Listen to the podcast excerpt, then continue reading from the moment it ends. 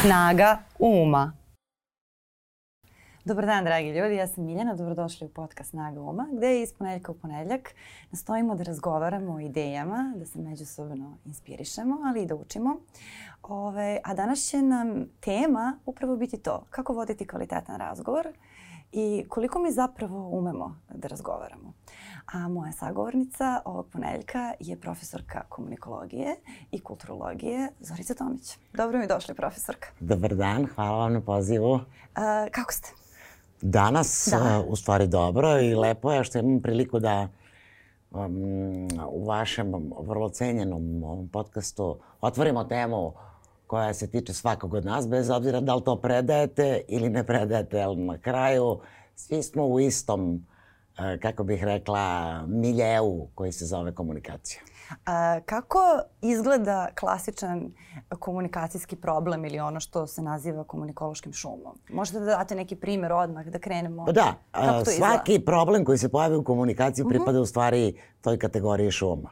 Šum može da bude krči vam telefon, uh mhm. -huh. neko nam sad smeta buši asfalt, to bi bio mehanički. Uh mhm. -huh. Zatim postoje semantički e, šumovi, nesporazumi kad, kad mi ne razumemo jedan drugu šta govorimo, koje, koje reči koristimo ili stavimo to u neku rečenicu koja ne deluje razumljivo i konačno postoji e, kao izvor problema i neka, neki disbalans, nesrazmera u našim komunikativnim pozicijama.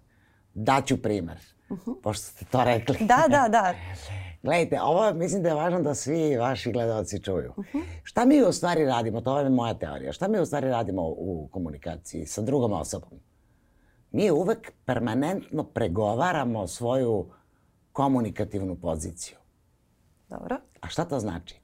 To znači da kad dve osobe nešto razmenjuju, uvek je na početku neka vrsta nesrazmere, nekog disbalansa, pa ako hoćete i nekog nesporazuma koji komunikacija treba da razreši. Daću primer. Znači, e, po ugledu na onaj film Igre gladi, ovo ćemo uh mhm. -huh. reći da su igre moći. Mi u stvari kad pregovaramo tu poziciju, zašto to ima veze sa kategorijom moći? Zato što mi, svako od nas, svako od nas nastoji da na neki način kontroliše šta? Ishod neke komunikacije ili još zanimljivije, kažem, način na koji očekuje da bi druga osoba mogla da reaguje. I zašto onda nastaje nesporazum? Zato što mi pogrešno procenimo. Zato što možda kažemo nešto što izazove reakciju koju ne očekujemo. Zato što možda sebe ne poznajemo dovoljno. Nije nam jasno ko je naš sagovornik. Ne razumemo dovoljno situaciju ili kontekst. I tako dalje, i tako dalje.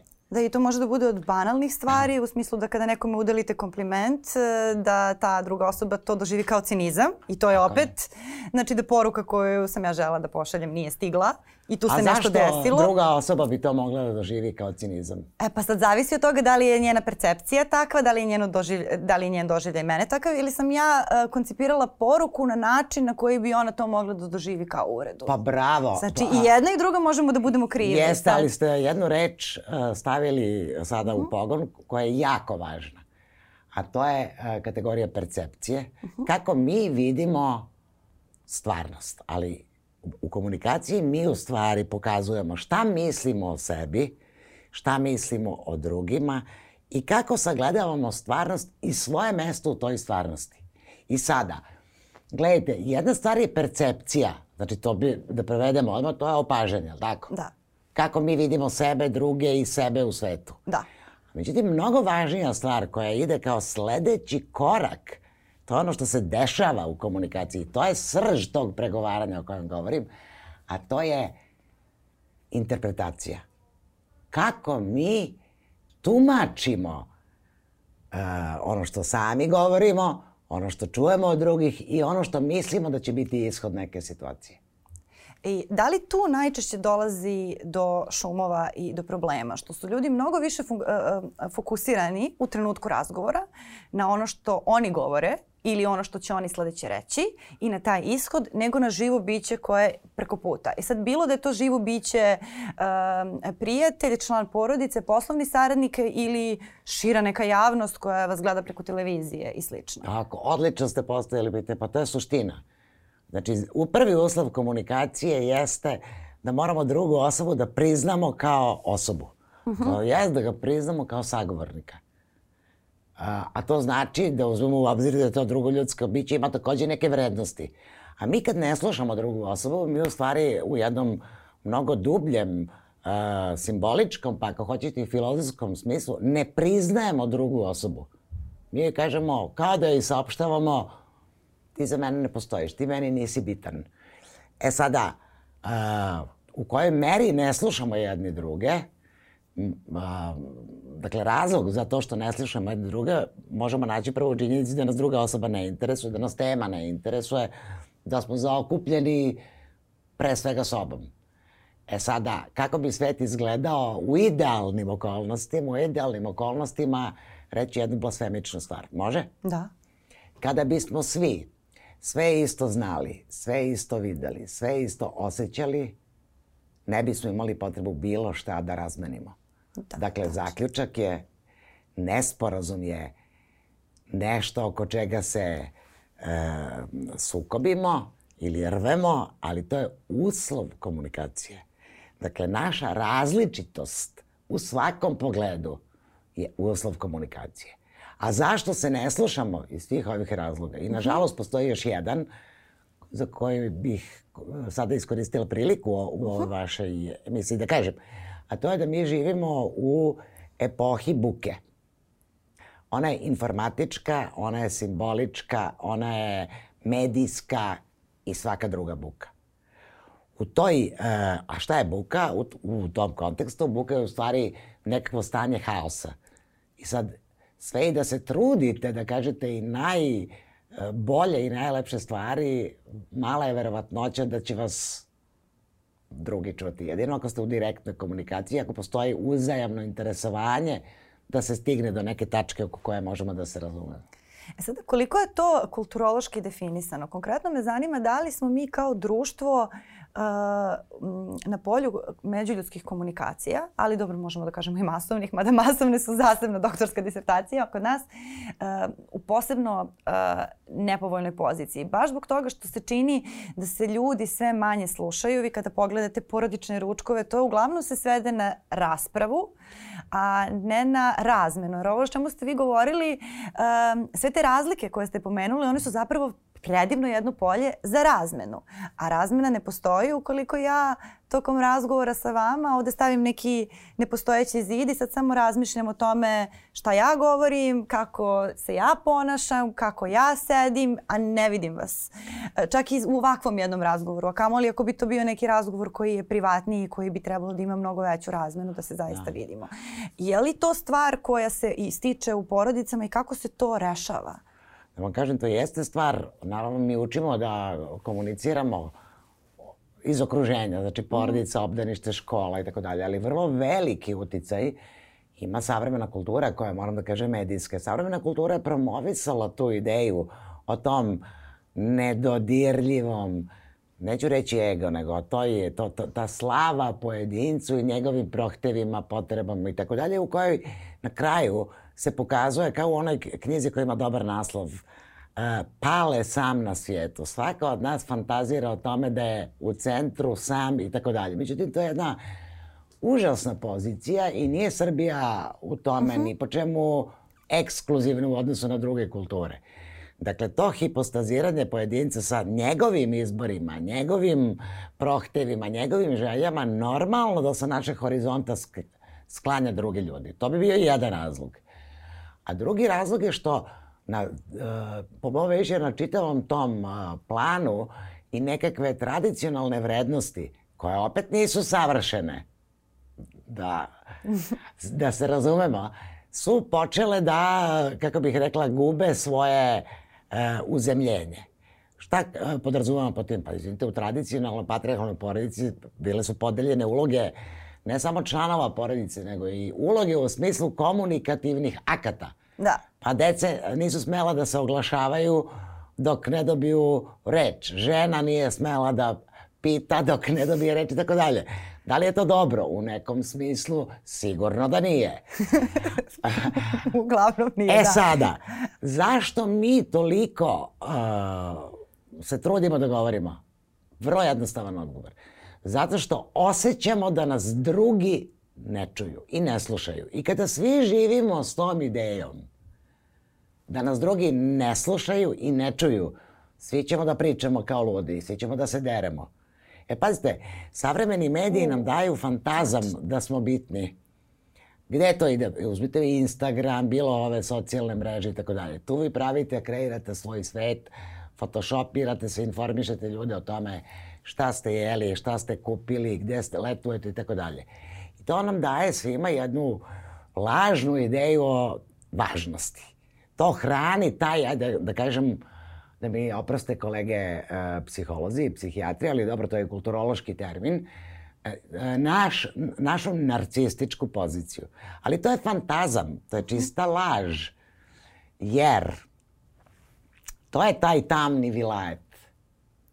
Mi stalno smo pozivani da se oglašavamo, samo je pitanje do koga će ta naša poruka da stigne. I zato sve više i više govorimo. Sve smo glasniji i glasniji i tako onda završamo u jednoj sveopštoj kakofoniji.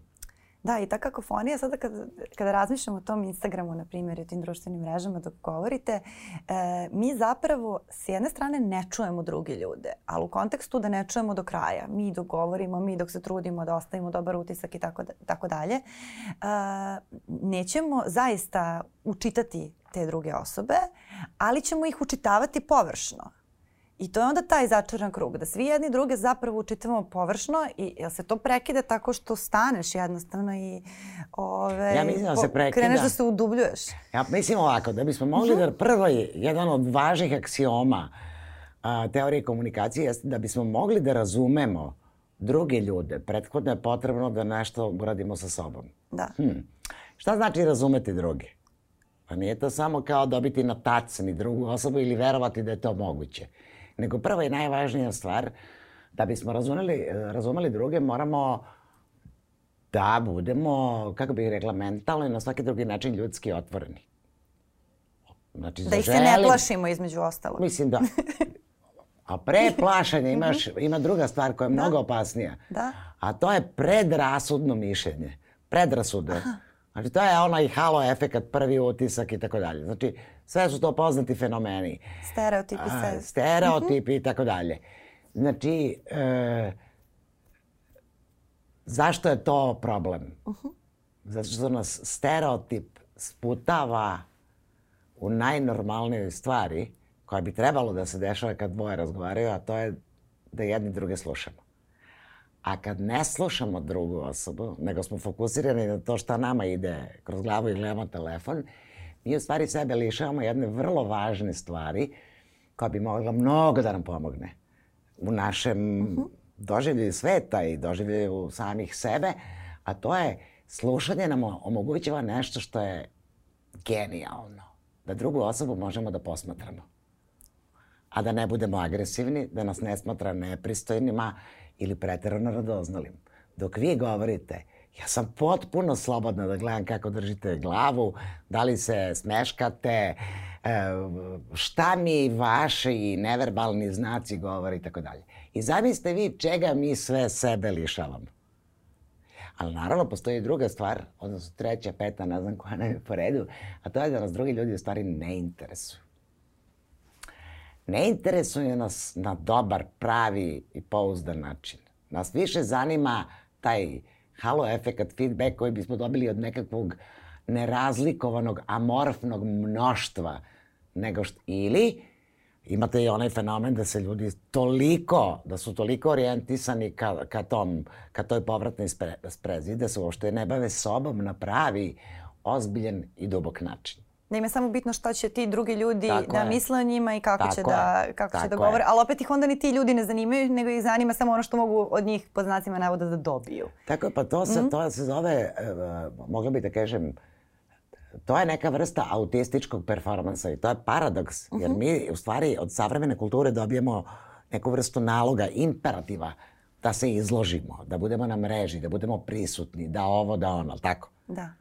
Ali zapravo pošto nas to ne zanima sem u smislu nekog kvantifikovanja. E, ovoliko pratilaca, ovoliko me lajkovalo, ali ne znam te ljude. Znači, šta ja u stvari? Ja se...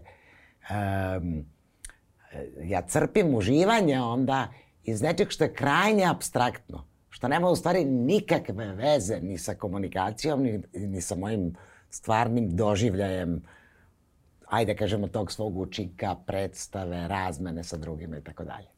Napravili ste mi dobar mm. šlagvort e, sada u vezi sa neverbalnom komunikacijom. Mm -hmm. Dosta smo puta pomenule slušanje. Mm -hmm. Šta za vas znači slušati drugu osobu? Šta to sve podrazumeva?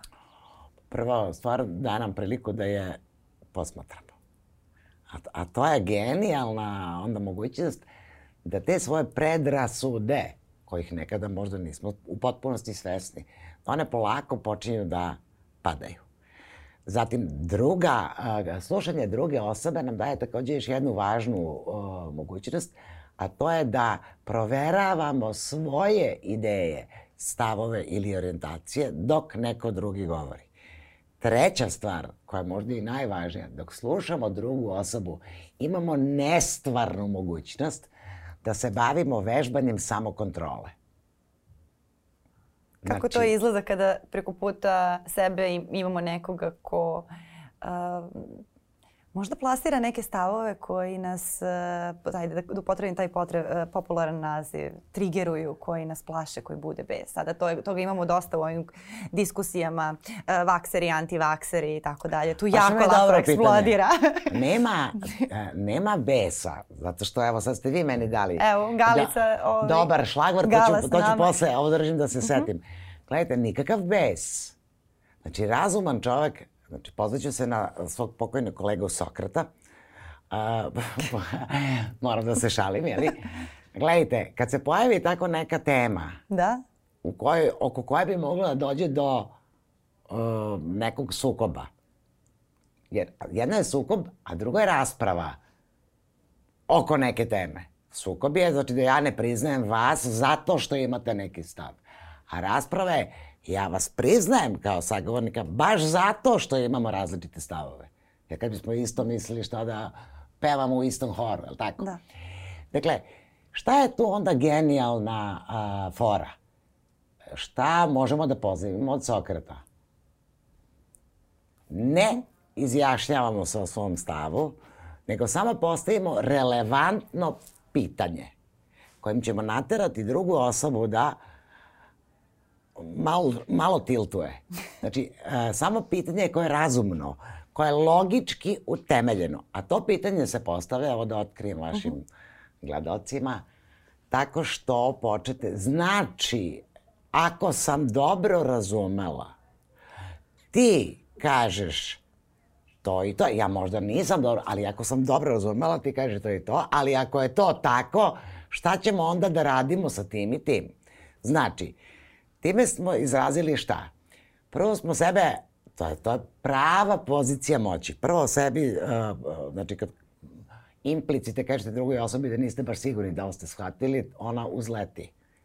I čim uzleti, postaje neoprezna. Druga stvar, vi kad postavite pitanje kojim u stvari parafrazirate nešto što je ta osoba govorila, vi pokazujete da ste pažljivo slušali. I kao treća stvar, i to je najvažniji aspekt, uh, jeste da, da vi to formulišete na način kao da tražite sugestiju od druge osobe i onda ide krivina kad postavljate pitanje kojim, da, poslednji deo pitanja kojim u stvari uh, primoravate svog sagovornika da u svoju mapu uključi eventualnu kako bih rekla, kontroverznu dimenziju. Da. Znači, da bi odgovorio na sva četiri ta aspekta, koja su sva podjednako važna, druga osoba će biti veoma angažovana u komunikaciji. A savjetovala sam moje studente baš nedavno a, na času, pošto vidim da ih sve ovo zanima, a naročito po, počne da ih zanima kad im dajem primere. Pa naravno. I ja kažem, ajde sad, pošto vidim da se mnogi žalite da nemate, ne furaju. Znači, i, mislim, pa šta, sede izlaz drugarice s drugaricama, sad ova korona, razumete? Dobro. Kako, da, kažem, kako se napravi prvi kontakt? I oni, kažem, ima milion fora, ali ima jedna fora koja, e, s kojom ne možete da promašite. Oni pitaju koja je, pa odete u kafić i lepo sedite s drugaricom ili sami ili sa drugom, potpuno nebitno. Kad vidite nekog ko vam se učini da je zanimljiv, slobodno gledajte radoznalo tu osobu, sačekajte da primati vaš pogled. I kad primati vaš pogled, vi onda kažete sledeću rečenicu. Ovako malo nakrivite glavu. To nije slučajno. Krivljenje glave, evo, never, što je radila majka kraljica Elizabete, zato je bila popularna. Ona je krivila glavu i na taj način pokazivala da nema šta ja krijem, slobodan mi je vrat. Ne plašim se. E, malo nakrivite glavu i kažete tom ko vas uh, gleda ili koja vas gleda, malo zažmurite i kažete, izvinite, ste vi neki genijalac? Oni se počeli smeju. Zašto je to bitno? Zato što pokazali ste zainteresovanost, ali ste stavili u jednu formu koja je dovoljno intrigantna, koja ne znači ništa konkretno, da. a mogla bi da znači ukoliko bi se taj razgovor nastavio. Znači, ne kažete da li se mi poznajemo od nekog, od nekuda. Da li sam vas video na televiziji, jeste vi ovo ili ono. Ne. Vi ste, znači, pokazali da ste pomno pratili e, nečije, nečije izgled lica, način na koji pije kafu ili e, rukuje svojim telefonom i tako dalje i otvorili ste jedan komunikativni prostor koji vas ne čini krhkim, nego naprotiv, koji vas ojačava. Jer ja bih, evo da koristim još ovu priliku, kažem, mnogi ljudi odustaju od komunikacije jer smatraju da će prvi korak, pa samim tim i da startuju devojku ili momka, da ih učini krhkim, da će da ih predstavi kao nekog kome je suviše stalo. I da će to odmah biti, znate, u savremenom svetu, moderno, e, ne da budete odbijeni, nego da budete vi taj koji odbija. Kakva greška u koracima.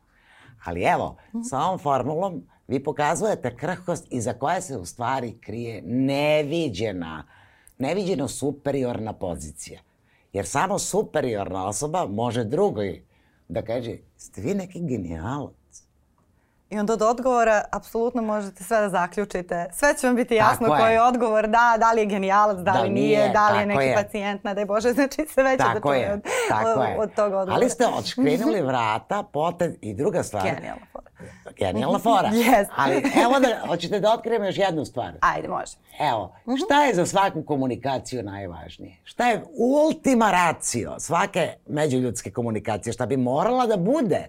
Šta bi morao da bude ultima ratio da bi komunikacija bila efikasna, dobra i najvažnije da bi ona bila, uh, kako bih rekla, funkcionalna i još bolji termin dobitna. Šta? Ne znam na što mislite.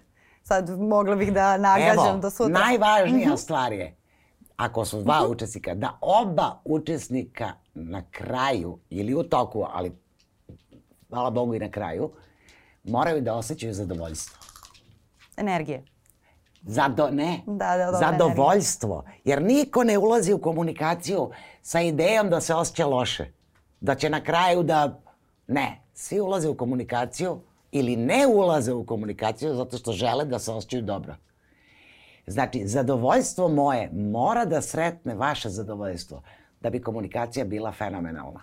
I sada se vratim na primjer uh mhm. -huh. od malo pre. Prekidajte me, molim vas. Neću, super mi je ovo zanimljivo. Nego me slušate sa pažnjom, pa ja... E, jer gledajte, kad vi kažete nepoznatoj osobi, jeste vi možda neki genijalac? Šta, znači, dok to izgovarate, Da li imate osjećanje zadovoljstva sa sobom? Da. Da! Totalno Zašto imate to zadovoljstvo? Zato što otvarate jedan potpuno novi prostor. I drugoj osobi, ali najvažnije i sebi. Uh mhm. -huh. Što vam ta formulacija daje mogućnost da prema sebi napravite distancu i u krajnjem ishodu ta formula uh -huh. uh, govori o tome da vi nemate nikakva specijalna očekivanja. Da ste otvoreni za igru, to jest da ste se otvorili ka jednoj vrlo važnoj vrednosti, orijentiru u našem životu, a to je rizik.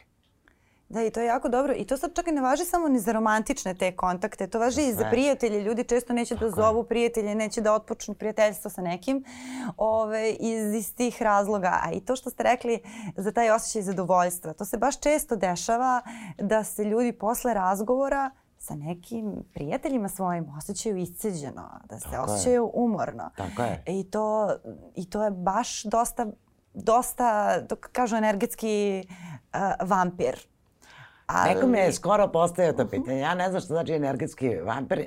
Energetski vampir, uopšte ne volim taj termin. Ma ne volim ni ja, ali nego, kao ne, toliko je zaživao. Ne, nego mi se ne osjećamo dobro. Kada se ne osjećamo dobro? Kad druga osoba radi sve da samo njoj bude dobro.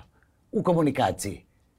Ne me razumete? Da, izvuče sve iz nas. Sve što... Znači, ne, da. nego kada ja njoj nisam sagovornik, nego sam ja njena scena. To je prostor na kojem će ona da svoje te unutrašnje bitke vodi. Ja sam taj prostor. Halo, hej, normalno da ne može da mi bude prijetno. Znači, nema tu nikakvih energija. Tu ima samo, uh -huh. a, po mom mišljenju, uh -huh. jer ja sam ipak filozof po obrazovanju, tu samo neke vrednosti koje predstavljaju naše temeljne orijentire i koji igraju najvažnije uloge u našim izborima, pa ako hoćete i u našoj komunikativnoj praksi. Znači, kad ja samo, kad ja hoću, kad ste vi moja scena, čime se ja bavim? Samo sobstvenim zadovoljstvom. Na kraju ni ta osoba se neće osjećati dobro. To je nemoguće. Da, jest.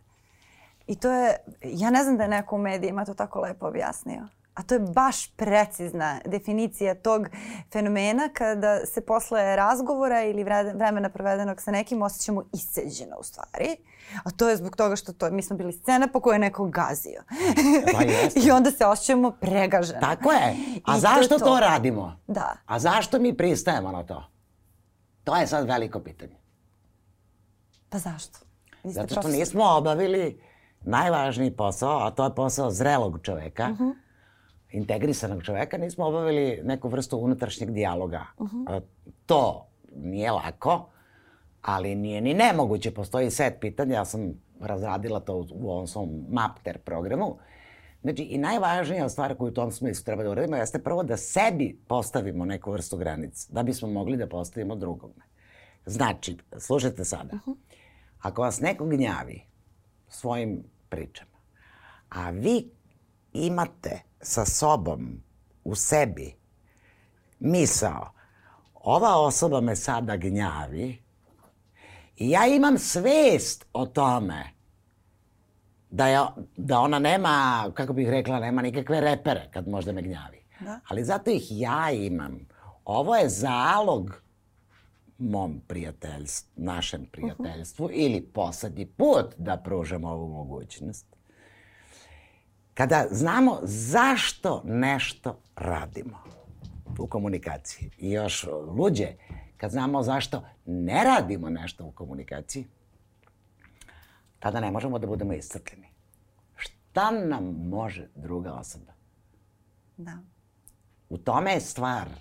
Znači, nema energetskih vampira, ima samo naše, e, kako bih rekla, zanetosti drugim stvarima, i, a samim tim i naše nesposobnosti da se pozabavimo svojim odlukama. Znači, mi kad pristanemo da nas neko gnjavi, mi se ne bavimo sobom, nego se bavimo to, time da izdjemo u susret drugome. A naš je posao šta? Prvo, da, da. da se bavimo sobom, da bismo mogli da se bavimo drugima. A koliko uh, mislite da je to, taj čin gnjavljenja da. uvek svestan? A ne, druga osoba ne mora da bude svesna. Ali naš posao je da mi budemo svesni. A dobro, kako, kako osvestiti kod sebe da li si ti taj gnjavator? A, to pitate. Na primjer, da. Pa vidjet ćete po feedback. Pazite, gnjavator koji želi da nauči ovo, krenut će da se bavi istraživanjem. Ali, znate, to je psihološki jedan uh, fenomen poznat. To je takozvano slepilo. Uh -huh. Mi mislimo da smo strašno zanimljivi, a u stvari gnjavimo druge. I sve do nekog trenutka dok nekom neko pukne film i kaže ajde bre, više dosta. Znači, zašto bismo to sebi prioštili? Naravno, mi smo različiti kao osoba i tako dalje, imamo različite usmerenja. Da li mi gnjavimo drugu osobu? Pa to vrlo jednostavna formula ima. Svako malo pitate svog sagovornika, jel gnjavim? Da. Izvini, ja sam te ugušio. A inače ima formula, ma mislim za sve postoji uh, formula, ovaj, znači osoba koja se pita da li gnjavi drugu sigurno nije gnjavator. Znači samo osoba koja to pitanje ne postavi sebi -hmm. je najverovatnije gnjavator.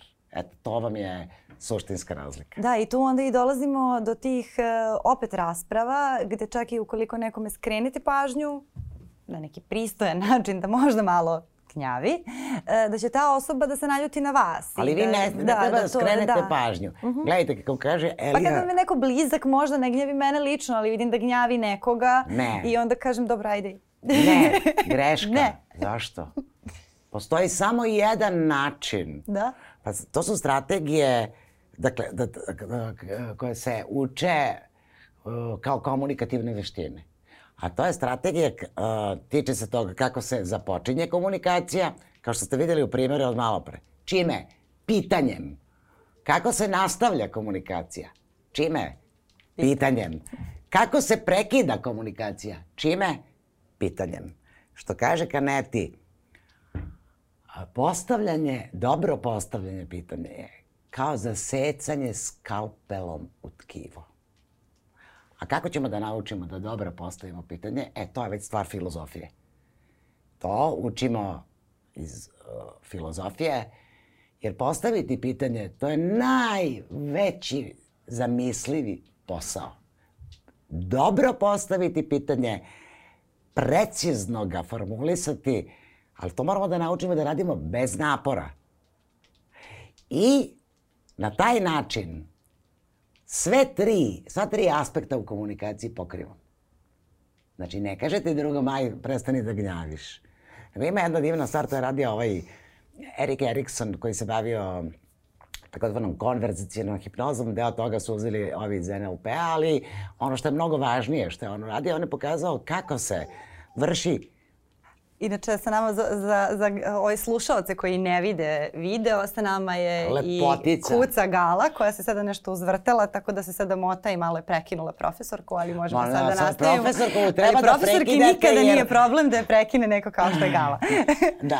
Uh -huh. da. I šta je on radio? Uh -huh. Recimo, ove op, um, obsesivno-kompulsivne, znači kad, kad dođe neko sa tom um, pričam kao boji se da se kupa. Aha. I ne, neko ko se kupa 10 puta dnevno. On kaže ovako. Sad bi taj pričao o tome. Da, da. Ali, ali to je jalov razgovor. On kaže, polako, polako, stop. Kad uđe, ili imate kadu ili tuš? Tuš. Kad ulazite u tuš kabinu, ulazite li desnom ili levom nogom? Vidite, odmah počinje rad očima u levom. Da izbaci, da. A, je se tuširate od glave ili od prstiju, levo ili desnu stranu? A, gde vam stoji, znači to su pitanja koja su služila tome da promene a, fokus, znači komunikaciju vodi on, uh -huh. a ne druga osoba, na osnovu toga on dobija, a, ali to je ciljena komunikacija, to je druga stvar. Znači, dobija informacije i najvažnija stvar pokazuje da je stvarno saslušao i da razume problem jer ulazi u takve detalje. Znači, druga osoba, da odgovorim na vaše pitanje, uh -huh koja gnjavi. Ne kažete prestani da gnjaviš jer je to uvredljivo. Naravno. nego iz tog nečeg što priča izvučete detalj oko koga pokažete posebno interesovanje. Znači da je neko, samo jedan sekund, pomenuo si malo pre to. Živo me zanima, pa me zanima tvoje mišljenje. Da li ti misliš da bi to i to u toj i toj situaciji imalo takav i takav ishod? Šta uradimo na taj način? Mi preuzimamo dizgine a nismo odbili drugu osobu. Inače, to je strategija koja se koristi u novinarskim intervjuima, ali onda nekako uvek se osjećaš neprijatno kad to treba da primeniš u privatnom životu. Mislim, makar ja recimo, kao ispada da, da stalno koristim te neke ne, taktike koje opet nisu ni taktike koje u poslu mogu dođu prirodno, ali ovde onako nekad. Ne, nije, to uh -huh. je jako korisno. Znate kako? Da, znanje. A znate zašto uh je mhm. korisno to? Zato što, gledajte, Vi ste pomenuli uh, ove uh, bliske veze. Da. E, pazite. Ljudi misle da je, da bi, bi savršena komunikacija sa partnerom ili otko znam kojim članom familije bila kao sve na izvolite. Ne, greška. Greška. Neke, znači, neka pitanja se ne postavljaju. Znači, nema te, što kaže u jednoj arapskoj poslovici, nemoguće je vratiti odapetu strelu i izgovorenu reč. Znači, moramo da znamo, u teoriji to se na, naziva teorija lica. Znači, postoje pitanja koje ne smem da vam postavim. Ali to ne znači da nećemo o tome da razgovaramo ukoliko vi ne otvorite temu. Znači, pita, neka pitanja se ne postavljaju, na neka pitanja ne, ne morate da odgovorite. Ima naravno strategije kako se ne odgovore na pitanja, a da ne kažete drugoj osobi neću da ti kažem. Na primer? Ajde, a sada da, hoćete odmah? A hoću sada, a, da, pa ne znam privodimo, možda... privodimo kraju, ove, ovaj, kako se zove, sada već je razgovora, možda nije, možda nije loše. Evo, otkriću. Ako vam padne na pamet ne, neki, neki vrlo rado. Uh mhm. -huh. Pita vas neko, neko neumesno pitanje. Dobro. Nešto tipa, kad ćeš da imaš decu? Neko tako random, tako neumesno, je. dežurno, neumesno pitanje, ili nešto da li tako. Ste, da. da li je istina da ste u šemi sa tom i tom osobom ili da ste dali otkaz, šta god. Da. Znači, neko pitanje koje je iz vaše perspektive, iz vaše mhm. mape, znači, nema nerviranja, nema besa, nego mora se, sve mora da se radi smireno, a onda je formula sledeća. Vi ovako pustite tu osobu da kaže to što ima, sačekate sekund ili dve, gledajući je, u stvari, pra, e, kao da je skenirate na taj način da tu osobu koja postavlja neumesno pitanje stavljamo u poziciju objekta. Dobro, razumem. Znači, zadrška par e, sekundi, a onda kažete, vidi, rado ću ti odgovoriti na to pitanje, samo da mi e, kažeš šta tačno tebi znači ta informacija. Hmm, zanimljivo. Kako? Time ste izbili svaku, vrlo rado ću da odgovorim. Nego me samo zanima šta tebi tačno znači kad ću ja da imam dete. Ili s kim sam ja u vezi. Da, da li sam dala otkaz i tako dalje. Da čujem. I to je onda kao u uh, tenisu dobar backhand. To se odmah, opet se izbacuje razgovor iz stereotipa, iz strasti, iz Tako svih tih uh, pobuda u kojima on zapravo ne bi ni trebalo tako da je, se vodi. Tako je, tako. Ali nemojte da, da gradimo strasti. Nekad su strasti vrlo važne, nekada. -huh. A nekada uh, one ometaju. Prema tome, hoću da kažem, kao što vidite, mi smo otvorili mnoštvo tema, da. polje komunikacije je ogromno. Međuljudska komunikacija je nešto na čemu sve se temelji, tako? Da. Prvo, ko smo mi, ne znamo bez i izvan komunikacije sa drugima. Šta je ovaj svet, ne znamo bez i izvan komunikacije. To je temelj svega, ali to je toliko kompleksna uh, oblast koja se može prići iz različitih perspektiva i ono što je, eto, meni zanimljivo, kao ja sam filozofiju studirala u okviru savremene filozofije poseban jedan e, jedna oblast i filozofija komunikacije koja iz filozofske perspektive otvara sva ta relevantna pitanja i nesporazuma i razumevanja i pris, e, bliskosti, distance, identiteta, manipulacije, laganja, problema moći i tako dalje. I to su sve neke stvari, malo pre, smo, pre početka emisije smo zapravo to pomenule kako je komunikacija nešto što bi zapravo trebalo da učimo od prvog osnovne. Kao što učimo srpski jezik, možda ne bi bilo loše da učimo i kako da ga koristimo da. u tom nekom punom smislu. Jer zaista komunikacija, ne postoji aspekt našeg života na koji ona ne utiče. Tako znači je. čak i zdravstveni aspekt kada odemo kod lekara, da li umemo da komuniciramo sa tim lekarom Tako i može, može da nam utiče na zdravlje, da ne govorimo o prijateljskim partnerima partnerskim odnosima, karijeri. Ali nemojte da, da zaboravimo svemu. vrlo važnu mm. oblast. A to je šta mi kažemo sebi. Da, to je da. A kako ja kažem i mojim studentima, pa mi imamo tog tihog sagovornika koga toliko puta zanemarimo. To je taj glas koji je sa nama permanentno. I kad ćutimo i kad vas slušam, mm -hmm. i kad čitamo knjigu i gledamo televiziju, i kad vodimo ljubav i kad se šetamo s decom, utišali smo jednog sagovornika, odnosno a, a, nemamo fokus na to da je ta komunikacija temelj. Da. Ona jeste temelj. I to je isto posebna tema. Ja, profesorka, morat ćete još jednom da mi dođete. Mnogo smo tema... da ne ugnjavimo. Mno, nećemo sigurno, ali mnogo smo tema ovaj, zakačili. Jesmo, I mnogo vam zato hvala. Zato što je lepo, hvala i vama. Mnogo vam hvala i nadam se zaista da ćemo se ponovo videti. Da. E, tema za razgovor imamo mnogo, a hvala i vama e, na razgovoru. na razgovoru. Hvala i vama na pažnji. Ove, ovaj, nadam hvala se, i da, Gali. Nadam se da, da je ovaj razgovor prijao i da vas je možda malo zainteresovao više za komunikologiju.